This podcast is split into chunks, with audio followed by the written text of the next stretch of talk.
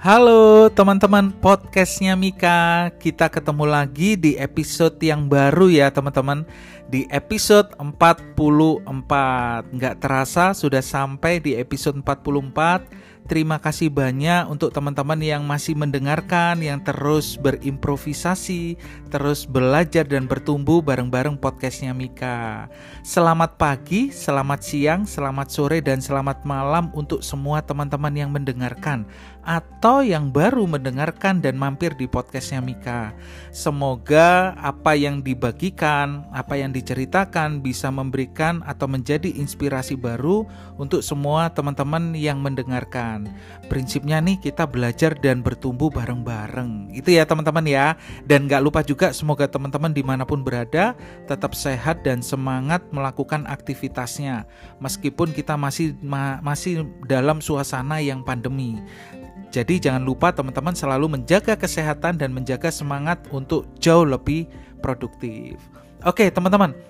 Di episode 44 ini kita akan membahas tema yang cukup menarik. Judul topiknya adalah tips ketika dibully di kantor. Nah, ini uh, berangkat dari uh, beberapa pengalaman ya teman-teman ya. Uh, pada saat saya melakukan sesi employee assistant program di beberapa perusahaan ngobrol lah dengan beberapa klien yang tentunya saya nggak bisa ceritakan uh, real kasus klien per klien karena itu satu bagian kode etik atau confidential. Tapi dari beberapa klien itu saya bisa mengambil satu gambaran satu gambaran yang lebih jelas bahwa ini dihadapi oleh banyak para pekerja, ini dihadapi oleh para, banyak para karyawan, karyawati, karyawan, dan beberapa organisatoris yang mereka terlibat di kantor atau di organisasi. Nah, tips ini saya angkat supaya bisa memberikan inspirasi untuk teman-teman gimana sih Kak Mika aku harus menghadapi bully atau sesuatu yang tidak nyaman yang itu menjadi intimidasi di dalam hidup saya. Baik cara berpikir saya, baik cara merasa saya bahkan sampai cara bertindak teman-teman pun menjadi terpengaruh karena bully itu sendiri, khususnya di kantor. Nah, yuk kita bahas bareng-bareng ya ada banyak beberapa kasus kalau kita lihat di bahkan kalau kita browsing di Google ya angka-angka bully itu sendiri kasus-kasus bully yang terjadi di kantor itu juga menunjukkan peningkatan signifikan. Baik itu negara yang di luar Indonesia maupun bahkan di Indonesia sendiri. Dari real kasus beberapa klien yang ketemu dengan saya yang dia konsultasi yang dia coaching yang dia ada dalam proses sesi IEP itu sendiri muncul beberapa kasus yang saya bikin catatannya jadi ada lima dulu nih kasus yang paling banyak terjadi di kantor versi Kak Mika berdasarkan dari klien yang Kak Mika tangani. Yang pertama nih teman-teman, yang pertama adalah tentang fisik. Jadi dibully uh, secara fisik.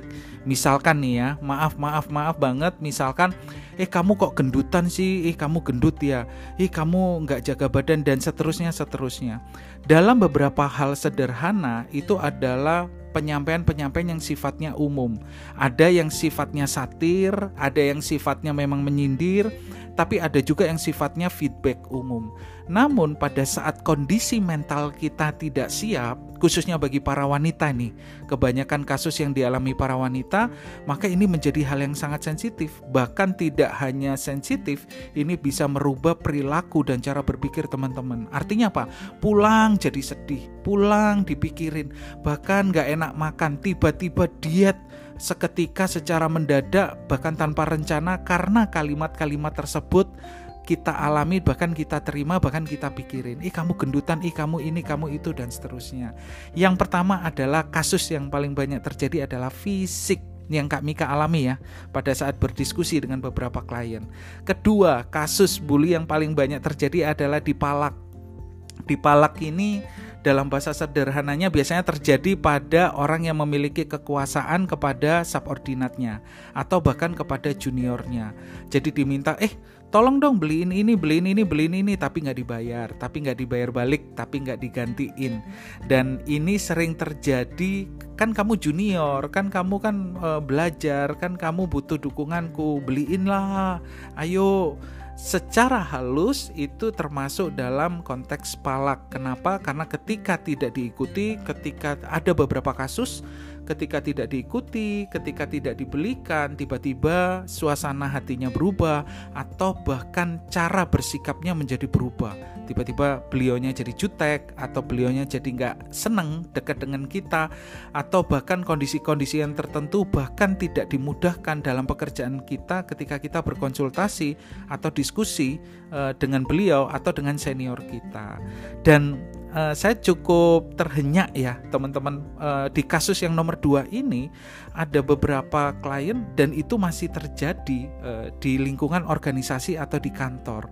Artinya kedewasaan berorganisasi, kedewasaan antara senior dengan junior, kedewasaan antara yang memiliki otoritas kekuasaan dengan subordinatnya itu masih banyak terjadi secara tanda kutip seperti perpeloncoan karena itu datang e, sebagai anggota yang baru atau orang yang masih e, dalam konteks belajar atau kita sebut dengan junior. Dan ini masih banyak terjadi di dunia organisasi atau di perkantoran. Kasus yang kedua, kasus yang ketiga uh, based on uh, pengalaman dari yang Kak Mika jalani ya teman-teman ya diskusi dengan klien kasus yang ketiga bully yang terjadi adalah intimidasi nonverbal jadi intimidasi nonverbal itu bukan lagi kata-kata tapi yang bukan kata-kata. Misalkan lirikan mata yang tajam. Jadi ada beberapa kasus saat itu yang berkonsultasi karena dilirik tajam bahkan dia dikucilkan itu menjadi gangguan yang dialami oleh seorang karyawati yang pada saat itu dia menjadi nggak nyaman, nggak fokus bekerja dan merasa benar-benar uh, semangat ketika dia ingin bekerja, ingin berprestasi, ingin berkreasi menjadi hilang. Bahkan yang bersangkutan pun memutuskan untuk resign. Sayang banget ya teman-teman ya, eh, hal-hal uh, yang seperti ini uh, seyogianya kita bisa antisipasi dan seyogyanya ketika banyak pemimpin-pemimpin organisasi mendengarkan podcast ini, ayo sama-sama menjaga kedewasaan bahwa fokus kita adalah berkreasi, menciptakan karya, mencapai objektif organisasi itu adalah fokus utamanya. Dan mulai dari mana Kak Mika ketika kita adalah pengendali organisasi, ketika kita adalah pemimpin-pemimpin organisasi, minimal jangan mulai dari diri kita sendiri. Dengan membuli orang lain atau ketika kita adalah korban bully, kita adalah bagian dari korban bully itu sendiri, minimal kita bisa mengantisipasi dalam diri kita supaya kita tidak terjebak di dalam lingkaran itu sendiri dan tetap fokus pada produktivitas. Nah, tipsnya nanti ada di belakang ya, teman-teman. Jadi ikuti sampai di belakang dari sesi podcastnya Mika di episode 44 ini. Next, itu kasus ketiga ya, intimidasi nonverbal. Lirikan tangan, dikucilkan, termasuk intimidasi nonverbal ketika ada yang membuat coretan-coretan post-it. Dan ini terjadi uh, dia tulis di post-it, dia tempelin di komputer atau dia tempelin di layarnya, dia taruh di meja atau dia taruh di lacinya dan ketika yang bersangkutan datang membuka dan membaca itu nggak um, ada penulisnya, nggak ada pengirimnya, tapi ada pesannya dan ketika dibaca itu cukup menyakit, uh, menyakitkan dari yang bersangkutan dan itu sifatnya sudah teror sebenarnya, teror yang dilakukan di organisasi atau kantor. Nanti ada tipsnya di belakang ya teman-teman. Kasus keempat yang kasus bully ya yang banyak terjadi di kantor berdasarkan diskus atau konsultasi dari IEP dengan beberapa perusahaan uh, atau klien. Kasus keempatnya adalah kesalahan atau tuduhan terkait pekerjaan. Ini juga banyak terjadi, tapi jauh lebih banyak yang fisik tadi yang nomor satu. Nah di nomor empat ini kesalahan-kesalahan ini bisa jadi ketika bekerja dalam sebuah tim, ketika bekerja dalam sebuah kelompok tertentu, atau tidak dalam tim, tapi kita bersinergi dengan divisi atau departemen lain. Sampai pada satu waktu, seketika uh, ada terjadi satu kejadian atau satu isu, dan pada saat itu uh, ada kesepakatan atau konsolidasi atau konspirasi bisa disebutkan sebagai konspirasi beberapa orang untuk menyalahkan yang bersangkutan dalam hal ini adalah konteksnya dibully. Nah, ini juga sering terjadi di dunia organisasi atau dunia kantor, teman-teman. Dan teman-teman yang mengalami ini semangat ya. Nanti ada lima tips, semoga ini empat empat tips, semoga ini bisa membantu teman-teman menghadapi bully ketika di kantor.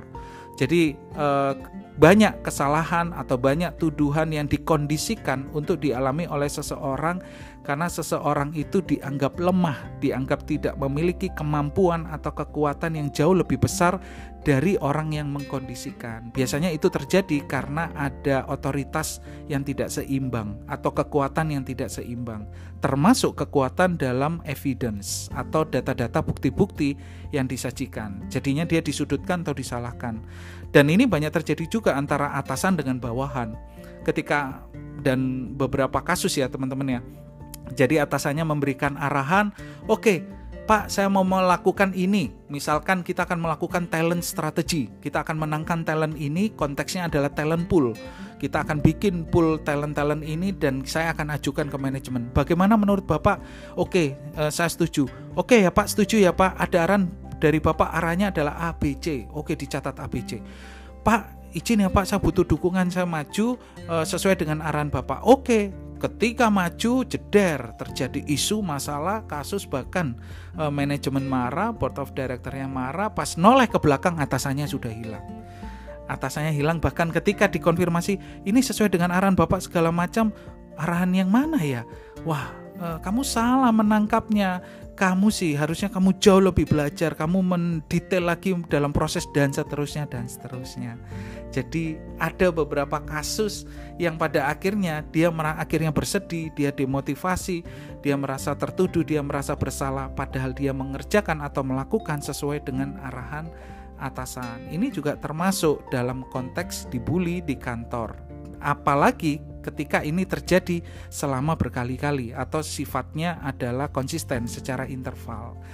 Teman-teman semangat ya, kalau teman-teman ada di kondisi seperti ini, jangan takut untuk berkonsultasi ke psikolog atau employee assistant program consultant atau tepatnya konselor.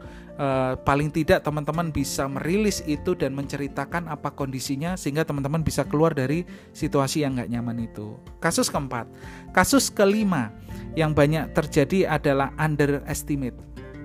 Jadi teman-teman di underestimate karena teman-teman adalah orang uh, yang baru, bisa dikatakan baru, bisa dikatakan junior, orang-orang yang baru datang, baru bergabung di kantor dan pada saat itu teman-teman dibully dalam konteks teman-teman adalah orang yang baru datang. Bisa juga bukan orang junior, bukan baru datang, tapi dia di underestimate karena beberapa kegagalan yang mungkin pernah teman-teman lakukan ketika teman-teman berkreasi atau bekerja di kantor atau di organisasi.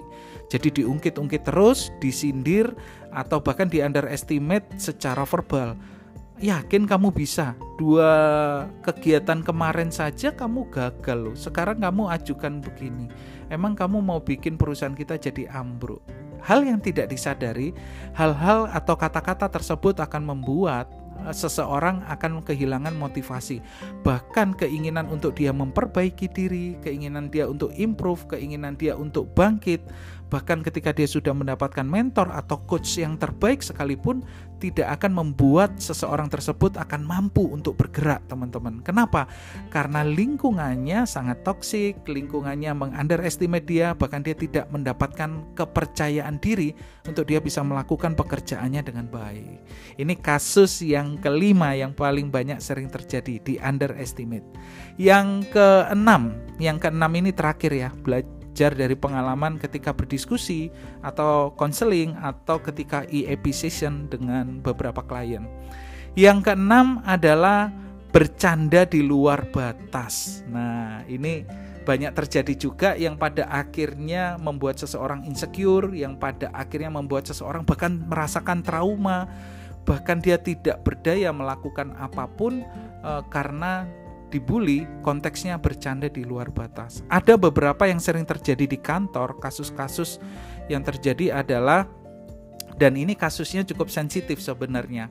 E, kasus itu salah satunya, saya ambil salah satunya aja ya teman-teman. Kalau contohnya banyak banget yang bercanda di luar batas, e, tapi ini saya ambil satu yang mungkin sedikit paling serius dan orang tidak menyadari adalah kasus ketika seseorang tidak memiliki anak atau keturunan e, bersama pasangannya dan dia bekerja aktif sebagai e, karyawan di sebuah organisasi. Karyawati tepatnya di sebuah organisasi. Meskipun kasus ini bisa dirasakan oleh dua pihak ya teman-teman, laki-laki ataupun uh, wanita yang sudah menikah. Artinya sebagai karyawan ataupun karyawati. Nah kasus ini uh, ketika dia tidak mendapatkan keturunan sampai berapa tahun, terus dia dan beberapa orang kantor tentunya tahu dengan kondisi itu lalu ada beberapa uh, orang dan konteksnya dalam kasus real ini uh, konteksnya adalah selalu datang dari orang yang memiliki otoritas atau sesuatu pengaruh yang jauh lebih besar. Tidak selalu atasan tapi orang itu memiliki pengaruh atau pengalaman atau otoritas yang jauh lebih besar. Datang dan beliau menyampaikan, "Oh, kamu kesulitan ya sampai sekian tahun ya hmm, hmm, sampai sekian tahun dan seterusnya dan seterusnya oke kayaknya kamu perlu diajarin deh kamu kalau perlu les sama aku boleh deh ya aku ajarin ya eh, caranya gimana segala macam awalnya berupa tips dan tips-tips itu e, mungkin bisa produktif atau bisa menjadi efektif dipakai karena berupa tips yang sifatnya e, identik dengan kesehatan, identik dengan e, apa saja yang perlu dikonsumsi dan seterusnya dan seterusnya termasuk berolahraga.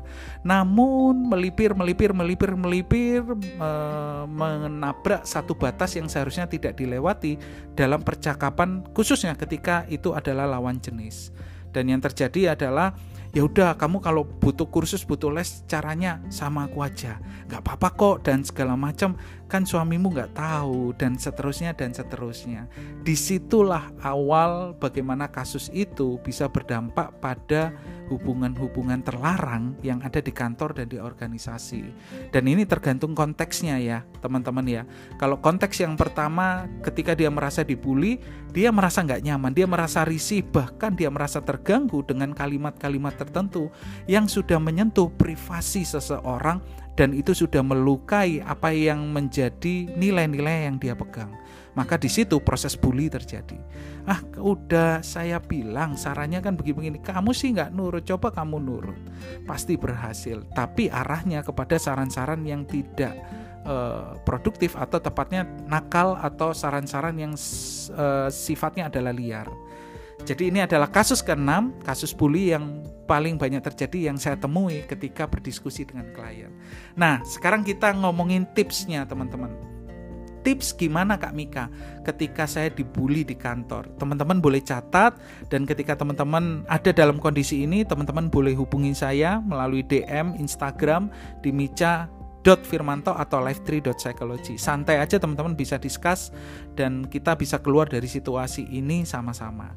Nomor satu, tips nomor satu teman-teman. Tips nomor satu adalah hindari debat kusir dan lakukan yang produktif. Ini penting banget ketika proses bully itu terjadi di kantor dengan lima kasus yang saya sebutkan tadi ada fisik, ada dipala, ada intimidasi nonverbal, ada kesalahan atau tuduhan terkait pekerjaan, ada underestimate, ada bercanda di luar batas, maka teman-teman kondisikan untuk hindari debat kusir. Hindari debat kusir ini sangat relate atau lekat dengan kondisi emosional kita atau kondisi emosi negatif kita kita ingin marah, kita ingin ingin melawan dalam konteks uh, kita ingin ya udah kita tanding aja one on one kita debat secara terbuka dan seterusnya.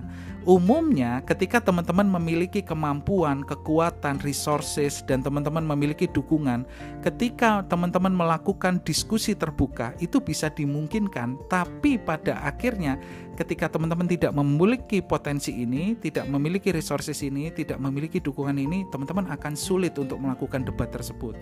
Karena pada akhirnya ini akan selalu berbicara tentang siapa yang jauh lebih kuat, siapa yang akan lebih menang dan pada akhirnya teman-teman fokus pada hal yang terkait dengan bully itu sendiri dan teman-teman menjadi tidak produktif. Jadi tips yang pertama hindari debat kusir dan lakukan yang produktif apa Kak Mika contohnya yang produktif? Salah satunya teman-teman bisa lakukan juga cara berkomunikasi dengan asertif, yaitu berkomunikasi secara langsung, berkomunikasi terbuka, tapi tidak sendiri. Libatkan di sana seseorang yang bisa menjadi penengah, dan orang itu adalah orang yang memiliki otoritas yang ada di sana.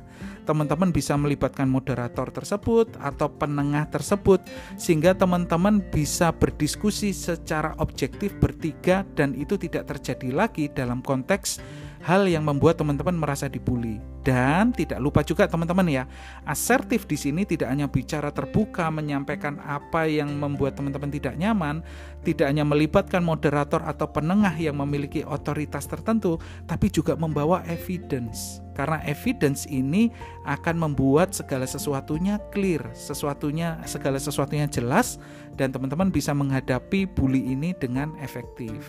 Banyak yang terjadi, evidence tidak kuat dan pada akhirnya pelaku mengatakan enggak pak, enggak bu, saya nggak pernah mengatakan itu, saya nggak pernah nyampein ini dan seterusnya. Dan karena kurangnya evidence maka itu dianggap sebagai justru fitnahan balik atau tuduhan balik dan ini uh, akan merugikan teman-teman sendiri. Sudah satu konteks teman-teman dibully dan satu konteks teman-teman tidak kuat secara evidence. Itu ya teman-teman ya.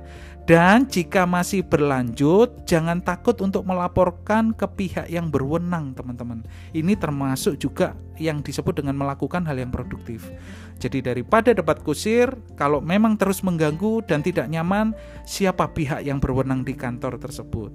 Misalkan di sana ada HR, maka cerita dengan HR atau e, tidak hanya cerita tapi juga membawa eviden-eviden yang tadi di tips pertama libatkan dalam diskusi terbuka dan bawa evidennya sehingga pelaku juga menjadi belajar sesuatu yang baru bahwa dia tidak boleh melakukan hal tersebut. Lihat pihak yang berwenang di sana.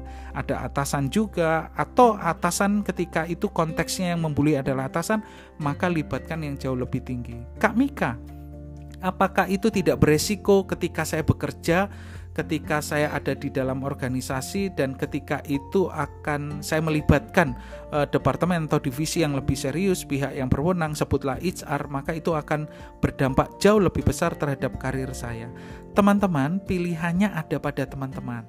Yang tadi saya sampaikan ini kata kuncinya. Jika hal tersebut masih berlanjut, kedua, jika hal tersebut membahayakan privasi teman-teman, membahayakan kesehatan mental teman-teman, kesehatan fisik teman-teman, bahkan membahayakan kehidupan teman-teman secara pribadi, maka teman-teman harus berani mengambil keputusan untuk membawa ini ke langkah yang jauh lebih kuratif, yang jauh lebih untuk menyelesaikan masalah itu sendiri. Dapat ya teman-teman ya. Kenapa? Karena kesehatan teman-teman bisa terganggu, keselamatan teman-teman pun juga bisa terganggu. Jadi it's okay. Teman-teman bawa kalaupun pada akhirnya berdampak pada karir, maka persiapkan dengan cara yang terbaik supaya teman-teman mendapatkan alternatif karir yang jauh lebih baik. Bisa jadi di situ, jika memang ada peluangnya, bisa jadi juga di tempat lain.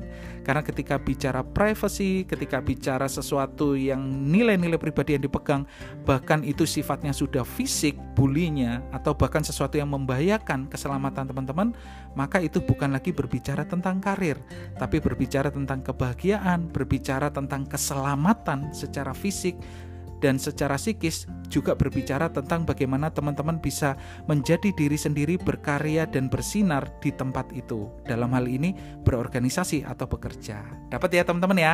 Tips nomor satu hindari debat kusir dan lakukan yang produktif. Termasuk asertif melibatkan moderator membawa evidence dan jika masih berlanjut laporkan ke pihak yang berwenang di kantor atau di organisasi itu. Tips nomor dua teman-teman, tips nomor dua. Gimana Kak Mika supaya uh, saya bisa hadapi tips ketika dibully di kantor dan seterusnya. Tips nomor duanya adalah stress release dan kontrol emosi teman-teman. Jadi saya ceritanya dalam berupa stase ya teman-teman atau dalam berupa tahap.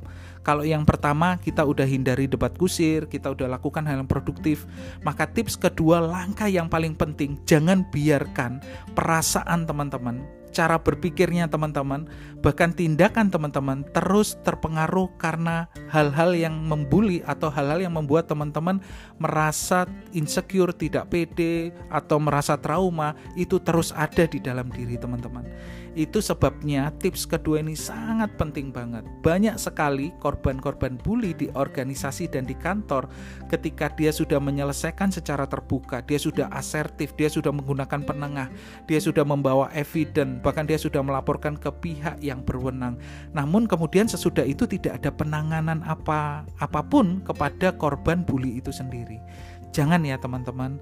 Kalau teman-teman mendengarkan podcastnya Mika hari ini, teman-teman mengalami uh, bully itu sendiri dan teman-teman uh, sudah selesai kasusnya uh, dengan orang-orang tersebut, tapi masih mengalami kondisi pasca traumatik dari bully itu sendiri, maka penting sekali teman-teman mendapatkan pendampingan. Dan yang paling penting lakukan stress release.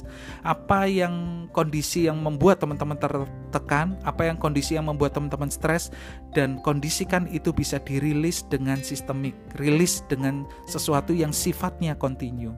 Sehingga itu tidak membayangi teman-teman lagi, tidak mengintimidasi teman-teman dan tidak membuat teman-teman menjadi takut. Khususnya apa Kak Mika? Ketika kita melakukan stress release, tujuan besarnya objektifnya adalah kita bisa mengontrol emosi kita khususnya emosi yang negatif sehingga teman-teman bisa menjadi produktif bukan destruktif, yaitu merusak diri sendiri atau bahkan e, dampak dari tindakan teman-teman kepada lingkungan teman-teman. Dapat ya teman-teman ya. Jadi tips kedua ketika semuanya di nomor satu sudah dilakukan, penting untuk melakukan stress release supaya teman-teman mendapatkan state of well-being, supaya teman-teman mendapatkan tingkat percaya diri tertentu, supaya teman-teman bisa berkreasi dan semangat dan menemukan motivasi yang baru, dan teman-teman bisa mengontrol emosi, emosi yang tidak produktif, yang negatif menjadi yang produktif dan positif. Itu ya teman-teman ya. Lanjut ke tips berikutnya, tips nomor tiga. Ini penting banget. Tips nomor tiga ini adalah fokus untuk improvement dan berprestasi. Jadi ketika teman-teman ada dalam proses bully dan ketika teman-teman diragukan dalam beberapa kasus, misalkan tadi kasus fisik, ketika kasus kesalahan atau tuduhan terkait pekerjaan atau di underestimate atau diintimidasi secara nonverbal penting untuk teman-teman menemukan point of cause-nya. Apa sih faktor utamanya kenapa aku dibully? Apa inti dari permasalahannya dan apa yang membuat aku dibully dalam kondisi tertentu? Temukan alasan-alasan dan temukan akar-akar masalah tersebut. Ketika teman-teman sudah menemukan akar masalah tersebut, jangan berhenti hanya menemukan itu. Karena ketika teman-teman berhenti ketika sudah menemukan akar masalah, teman-teman akan berada dalam situasi yang uh, tidak nyaman dan membuat teman-teman menjadi memiliki rasa bersalah yang begitu luar biasa. Ingat ya teman-teman, ketika sudah ketemu akar masalah, jangan diam berhenti di situ saja karena akan membuat teman-teman terpuruk, akan membuat teman-teman merasa bersalah, merasa bersalah lagi dan merasa tidak bermanfaat, tidak berguna yang akhirnya akan jauh lebih destruktif dari pikiran itu. Jadi yang paling penting ketika sudah ketemu akar masalahnya, lakukan improvement. Improvement apa yang bisa dilakukan? Prestasi apa yang bisa kucapai sehingga ketika aku mencapai prestasi itu, ketika aku sudah bisa mengimprove diriku, tidak ada lagi orang yang bisa bully. Kenapa? Karena bahan materi yang dijadikan bully oleh pelaku tidak menjadi signifikan lagi karena teman-teman sudah ada di atas dari bahan dan materi itu. Artinya apa? Teman-teman sudah melampaui, teman-teman sudah berhasil, teman-teman sudah bisa menaklukkan apa yang dibulikan oleh orang lain. Nah, di tips nomor tiga ini, ketika teman-teman tidak bisa melakukan sendiri, jangan sungkan untuk mencari dan melibatkan pertolongan orang lain khususnya adalah subject matter expert. Siapa yang ahli di situ? Siapa yang memang sudah berhasil di titik itu? Misalkan uh, pembukuannya selalu salah, pembukuan keuangan atau catatan administrasi dan kita dibully, dibully, dibully di saat di titik itu. Bukan feedback yang didapatkan tapi dibully. Ketika ada bercanda kumpul-kumpul dalam satu tim, ah itu tuh ya eh, tolong dicatat pesanan makanan uh, uh, tapi jangan kasih sama si A ya. Nanti salah lagi ya kita pesannya C tapi ditulisnya Z segala macam. Jadi bahan bercandaan dan tanpa sadar itu kita membuli orang lain karena berangkat dari kesalahan orang lain dan diungkit-ungkit dalam konteks yang berbeda bahkan konteks yang informal sekalipun itu dijadikan bahan bercandaan. Nah, maka teman-teman jangan takut untuk meminta pertolongan orang lain, subject matter expert, bahkan yang ahli dalam e, membuat pembukuan, dalam administrasi, atau Kak Mika ini kasusnya terkait dengan psikologis, maka minta pendampingan psikolog. Kak Mika ini terkait dengan pekerjaanku teknikal, maka mencari coach, mencari mentor, orang yang bisa mementori kita, orang yang bisa mengcoach kita, orang yang bisa mendampingi secara psikologis diri kita, sehingga kita bisa menghadapi bully itu sendiri. Dapat ya teman-teman ya. Jadi tips ketiga, fokus sama improvement, fokus sama improvement dan berprestasi.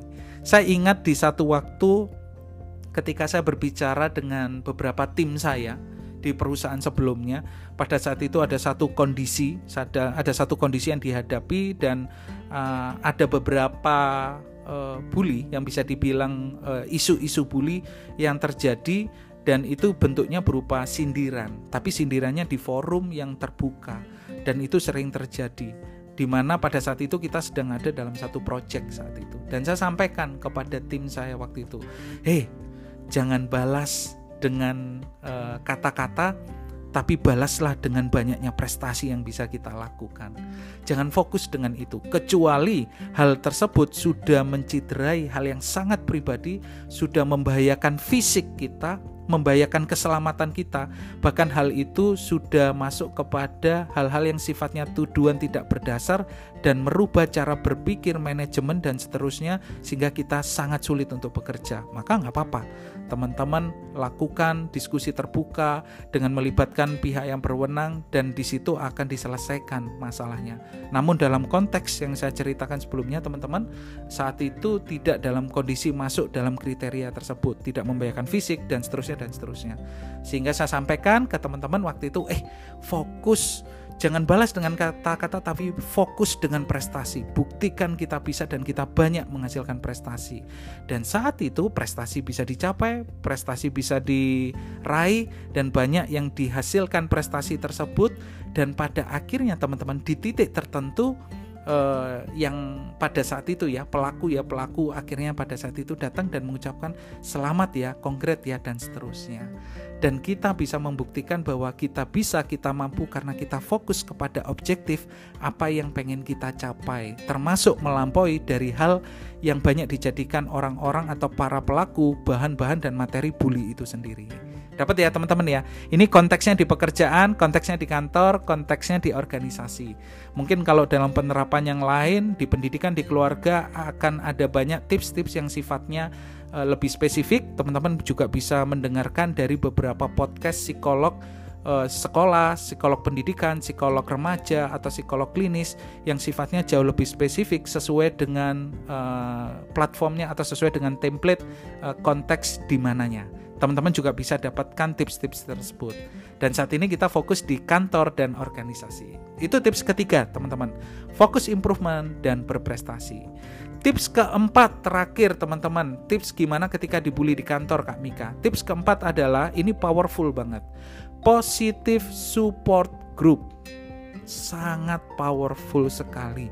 Miliki teman-teman yang positif, miliki atasan-atasan yang positif. Kak Mika, atasanku nggak positif. Cari yang ada di atas kita yang lebih positif yang bisa memberikan energi pada diri kita dalam konteks berbicara dengan orang yang levelnya lebih tinggi sehingga mereka bisa memberikan saran-saran dan wisdomnya supaya kita bisa lebih semangat lagi. Miliki itu. Miliki peers yang positif, miliki orang-orang yang bisa dijadikan mentor dan coach atau bahkan atasan yang positif, miliki subordinat yang memiliki semangat yang sama, frekuensi yang sama yang bisa memberikan uh, energi positif dalam diri kita dan bentuk positif support group ini semakin banyak di kantor teman-teman bekerja, di organisasi teman-teman bekerja. Maka ini akan memudahkan dan membuat teman-teman bisa jauh lebih bersemangat dan bahkan melampaui dari semua bully yang teman-teman dapat di kantor. Kenapa? Karena orientasi teman-teman selalu pada positif support group dan fokus bergerak pada objektif yang teman-teman pengen capai banyak banget eh, kasus atau korban bully yang terjadi di kantor atau di organisasi terjadi itu karena kurangnya dukungan positif support group di sana. Termasuk termasuk yang paling banyak sering terjadi di kasus pertama yang tadi saya sebutkan fisik ya teman-teman ya. Fisik itu ada dua. Yang tadi disebutkan yang bentuknya dalam bentuk verbal maaf misalkan ih kamu gendutan ya kamu gendutan dan itu dijadikan bahan bercandaan terus bahan bercandaan bahkan di orang-orang lain membahas tentang seseorang tersebut atau bahkan yang tidak verbal sudah fisik sudah memang fisik. Di situ bahkan cenderung identik dengan pelecehan dan seterusnya. Maka teman-teman ketika ada dalam kondisi ini ini paling banyak sering terjadi karena kurangnya positif support group di sekitar dari korban bully itu sendiri. Sehingga apa? Ketika dia merasa atau mengalami proses bully itu sendiri, akhirnya dia mengurung dirinya sendiri. Akhirnya dia takut, akhirnya dia insecure, akhirnya dia nggak mau ngomong sama orang lain. Akhirnya merubah karakter dari korban bully itu sendiri. Itu sebabnya teman-teman, siapa pun yang mungkin teman-teman mendengarkan, uh, mungkin belum terjadi atau teman-teman adalah korban bully, mulai bentuk dan bangun positif support group. Karena positif support group itu juga yang akan memampukan teman-teman untuk bisa melakukan tindakan-tindakan yang produktif yang pada tips pertama yang udah dibahas. Termasuk asertif berbicara one on one dan tidak hanya one on one ya melibatkan moderator dan ada evidence-nya termasuk melaporkan ke pihak yang berwenang termasuk memulihkan kondisi teman-teman supaya teman-teman jauh lebih confident lagi dari kondisi titik terendah ketika teman-teman dibully. Dapat ya teman-teman ya. Jadi kondisikan di tips keempat teman-teman punya positif support group. Kak Mika, aku punya teman toksik sebelahku atau di sekitarku toksik, maka berani putuskan keluar dari toxic uh, environment itu dan mulai memiliki positif support group di sekitar teman-teman. Teman-teman yang harus memutuskan, tidak bisa orang lain. Kenapa organisasinya nggak berubah? Kenapa ini politiknya seperti begini kok nggak berubah? Organisasi itu terbentuk secara sistemik. Ada banyak pemikiran, ada banyak keputusan, ada banyak kebijakan, dan itu dibentuk dari proses histori yang cukup panjang. Semua organisasi, maka yang bisa kita lakukan adalah merubah diri kita sendiri dengan mengambil keputusan bahwa aku harus menciptakan positif support group, termasuk positif climate yang ada di sekitarku, sehingga aku bertumbuh jauh lebih positif. Itu ya, teman-teman, ya tips keempat. Dan semoga ini membantu teman-teman di episode yang ke-44 maaf agak panjang. Tips ketika teman-teman dibully di kantor. Dan saya tutup dengan satu satu satu satu pesan buat teman-teman. Dan ini semoga menjadi semangat buat teman-teman ketika teman-teman dibully di kantor atau di organisasi.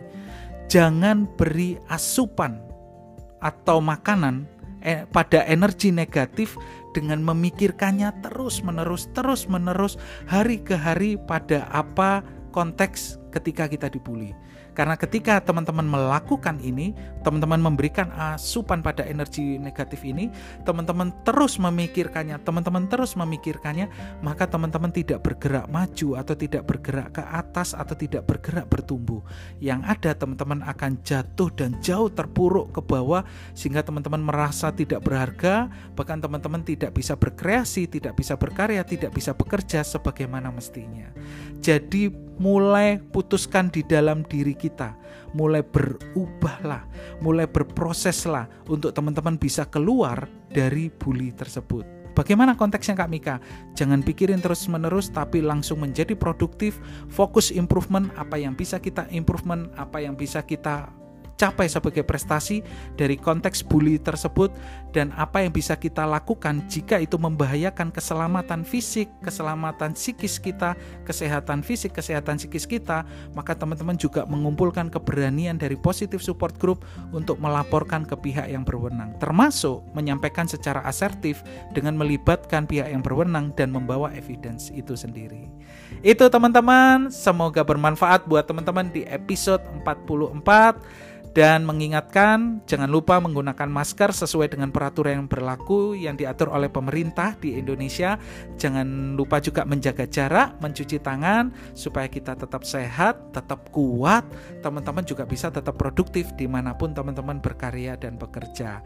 Ikuti selalu podcastnya Mika di setiap hari Rabu ya teman-teman. Semoga uh, selalu berjalan dengan baik di setiap hari Rabu, di setiap minggunya dengan episode yang baru, dengan topik yang baru seputar psikologi psikologi industri organisasi, stress management, termasuk bagaimana teman-teman keluar dari kondisi stres itu sendiri, atau yang bisa disebut juga dengan coping strategis. Oke, terima kasih teman-teman. Sampai ketemu di episode berikutnya. See you guys.